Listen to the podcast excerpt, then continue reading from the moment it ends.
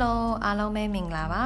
Your Reading Partner Podcast ကနေပြီးတော့ပြန်လည်ကြိုဆိုလိုက်ပါတယ်ဒီ podcast လေးရဲ့အရွယ်ချက်ကတော့ကျမတို့စာဖတ်ပြင်းပြီးတော့စာအုပ်တအုပ်ပြီးဖို့ရန်အချိန်ယူရတဲ့တငယ်ချင်းတွေအတွက်စာဖတ်ပေါ်တငယ်ချင်းတယောက်ရှိပြီးတော့အတူတကွပြန်လည်မျှဝေနိုင်မယ့် channel လေးပဲဖြစ်ပါတယ်ဒီနေ့မှာကျမတို့ကြိုတင်ကြေညာထားတဲ့အတိုင်း Single Ready to Mingle ဆိုတဲ့စာအုပ်လေးအကြောင်းကိုမျှဝေသွားမှာပဲဖြစ်ပါတယ်ဒီစာအုပ်ထဲမှာဆိုရင်တော့ကိုလိုချင်တဲ့တာယာတဲ့ relationship marriage စီကိုအရောက်လန်းနိုင်ဖို့ရန်အတွက်ပြင်ဆင်ရမယ့်အရာတွေတည်တဲ့အရာတွေကိုအထူးပြောပြထားပါတယ်။ယခုလိုခေတ်အချိန်ခါမှာဆိုရင်ပျော်ရွှင်သာယာပြီးတော့ခိုင်မြဲတဲ့အိမ်တော်တစ်ခုရှိနေတယ်ဆိုရင်တော့မှလူတော်များများကအံ့အားသင့်ကြတဲ့အချိန်ဖြစ်ပါတယ်။ပထမဆုံးအနေနဲ့ကျမတို့တွေကဘသူကိုချစ်လဲဆိုတာကိုသိချာသိအောင်လုပ်ဖို့ရန်အတွက်လိုအပ်ပါတယ်။စာအုပ်ထဲမှာဖော်ပြထားတဲ့ဥပမာအရာဆိုရင်တော့ငါးကိုချစ်တဲ့အချက်ပါ။လူတိုင်းကငါးကိုချစ်ကြတယ်၊ကြိုက်ကြတယ်။ဘာလို့လဲဆိုတော့မိမိဘိုက်ပြေးဖို့ရန်အတွက်ပဲဖြစ်ပါတယ်။ဒီတော့ငါးကိုချစ်တယ်ဆိုတာထက်ကိုကိုကိုချစ်တယ်လို့ပြောရင်ပို့ပြီးတော့မှန်ကန်မှာပါဒီလိုပါပဲလူတွေကမိမိကိုကျေနပ်စေတဲ့တာယာစေတဲ့သူကိုပဲချစ်တတ်ကြပါတယ်ဒါပေမဲ့ဒီလိုချစ်ချင်းကမှန်မှန်မှန်ဆိုတာကိုသိချပြန်ဆန်းစစ်ရမှာပါ ဒုတိယအချက်အနေနဲ့မိမိရဲ့ဖြစ်ချင်းကိုမမေ့ဖို့ရန်အတွက်လည်းပြန်ပြီးတော့တတိပေးထားပါတယ်။တခါတလေကိုယ့်ရဲ့ပုံပန်းအသွင်ဖြင့်ငွေကြေးကြွယ်ဝချမ်းသာမှုဆင်းရဲမှုတွေနဲ့အချိန်ကာလတစ်ခုအထိ single ဖြစ်နေတာဒါမှမဟုတ် relationship မမြဲတာတွေကသင်ရဲ့လိုအပ်ချက်သင်ရဲ့စိတ်ပိုင်းဆိုင်ရာမကြမ်းမာမှုတွေကြောင့်ဆိုပြီးတော့ကိုကိုကိုအပြစ်တင်နေတာတွေကစိတ်မလုံခြုံအောင်လှုပ်ဆောင်နေတာတွေကိုရှောင်ရှားတင်နေဆိုတဲ့အရာကိုတွေ့ရပါတယ်။ကိုက relationship တစ်ခုဆုံးရှုံးသွားခဲ့ရင်တော့မှဒီပြီးဆုံးသွားတဲ့ relationship ကိစ္စတွေအပေါ်မှာစိတ်ပြင်ရောက်ပြီးတော့အပြစ်တင်နေတာထက်ဒီအမားတွေကနေပြီးတော့သင်ယူပြီးတော့ရှေ့ဆက်သွားတင်ပါတယ်။အကယ်လို့ကိုယ့်ရဲ့လုံးဆောင်နိုင်စွမ်းကိုကိုက limit လုပ်လိုက်မယ်ဆိုရင်ကိုထပ်ပြီးတော့တိုးတက်အောင်ပြင်ဆင်လို့မရတော့ဘူးဆိုတာကိုလည်းသင်ယူရပါတယ်။ social media ကနေပြီးတော့သတ်မှတ်တဲ့စံနှုန်းတွေကလည်းသင်ကို တင့်ရဲ့ဖြစ်ခြင်းကိုမပြောင်းလဲသွားစေဘူးဆိုတာကိုတွေ့ရတယ်ဥပမာကိုယ့်ရဲ့ပုံလေးဒီမှာ like အရေးအတွက်တွေကိုရည်တွက်ခြင်းအပြင်လည်းတင့်ရဲ့တန်ဖိုးကိုမလျော့သွားစေဘူးဆိုတာကိုတွေ့ရပါတယ်တင့်ရဲ့စိတ်ပိုင်းဆိုင်ရာလုံခြုံမှုရှိစေဖို့ရန်အတွက်လည်းအလွန်အကျွံနှိုင်းရှင်ခြင်းမပြုဖို့ရန်အတွက်လည်း စာအုပ်ထဲမှာသတိပေးထားတာကိုတွေ့ရပါတယ်။တတိယအချက်အနေနဲ့ကတော့ကိုယ့်ရဲ့ဘဝမှာပျော်ရွှင်ဖွယ်ရာကောင်းတဲ့ relationship ကနေပြီးတော့ marriage အထိသွားကျင်နေဆိုရင်အလို့အကင်လှုပ်ဆောင်ဖို့ရန်အတွက်လည်းသူကအားပေးထားပါတယ်။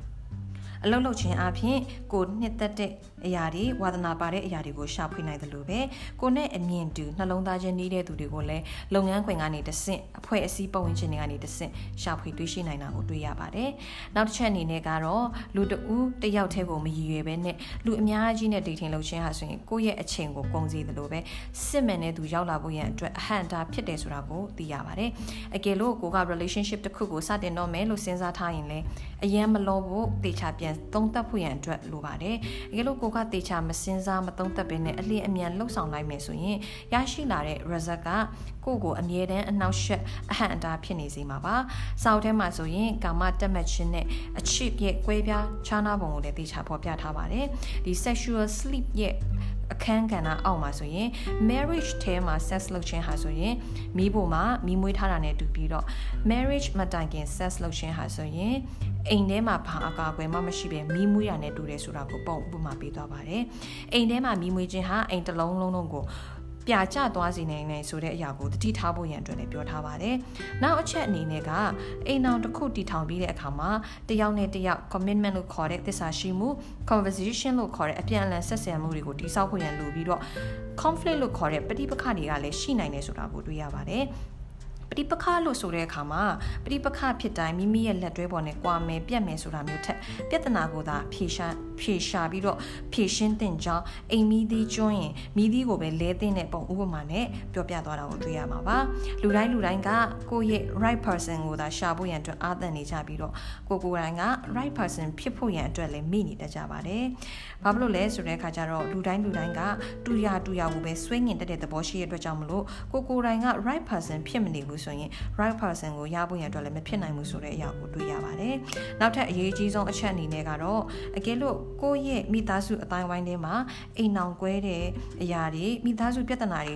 အမြဲတမ်းကြုံတွေ့နေရတဲ့မိသားစုမျိုးတွေကနေပြီးတော့ပေါက်ဖွာလာရဲဆိုရင်အဲ့ဒီအရာတွေကိုဖျက်တောက်ခဲ့ဖို့ရန်အတွက်လည်းလိုအပ်တယ်ဆိုတဲ့အရာကိုတွေ့ရပါတယ်။ marriage ထဲရောက်လာရင်သမီးရီးစားဘဝကတယောက်နဲ့တယောက်အလေးထားသလိုတယောက်နဲ့တယောက်ဆွဲဆောင်သလိုမျိုးကိုဆက်လက်ပြီးတော့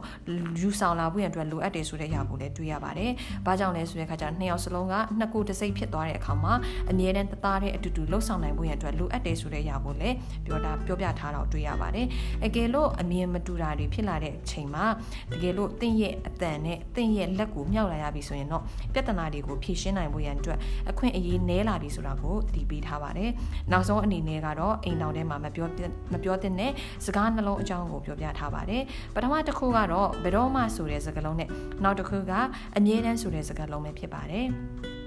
စိတ်ဆိုးဒေါသထွက်တဲ့အခါတိုင်းမှာနင်ကအမြဲတမ်း game ဆိုင်ဘူးဘယ်တော့မှမမှတ်မိဘူးဆိုတဲ့စကားတွေကတပားသူကိုစိတ်ပြက်လာစေနိုင်တဲ့အထီးဖြစ်တတ်တာကြောင့်မလို့စကားကိုတေချာတတိထားရှောင်ရှားဖို့ရန်အတွက်ဖော်ပြထားပါတယ်ဒီစာအုပ်ကလေးကိုအနေချိုရမယ်ဆိုရင်တော့ single မှအစဒီ marriage တိုင်အောင်သင်ယူလေးလာနိုင်တာဖြစ်တဲ့အတွက်ကြောင့်မလို့လက်တွေ့ဘဝမှာလည်းအများကြီးအကျိုးရှိတာကိုတွေ့မြင်ရပါတယ်ဒီတော့စာအုပ်ကလေးကိုမဖတ်ရသေးဘူးဆိုရင်လည်းဖတ်ဖို့ရန်အတွက်အားပေးလိုပါတယ်ဖတ်ပြီးသွားပြီဆိုရင်လည်း page post comment ကနေတစ်ဆင့်မျှဝေပေးဖို့ရန်အတွက်လည်းမေတ္တာရက်ခံလိုပါတယ်။နောက်ပတ်တွေမှာလည်းစိတ်ဝင်စားဖို့ရန်ကောင်းတဲ့စာအုပ်လေးတွေကိုဆက်လက်ဝေမျှပေးသွားမှာမလို့ like and follow လုပ်ထားဖို့ရန်အတွက်လည်းဖိတ်ခေါ်လိုက်ပါတယ်။အားလုံးပဲပျော်ရွှင်ပွဲရကောင်းတဲ့နေ့လေးပိုင်ဆိုင်ပါစေလို့ဆုမွန်ကောင်းတောင်းလိုက်ပါတယ်။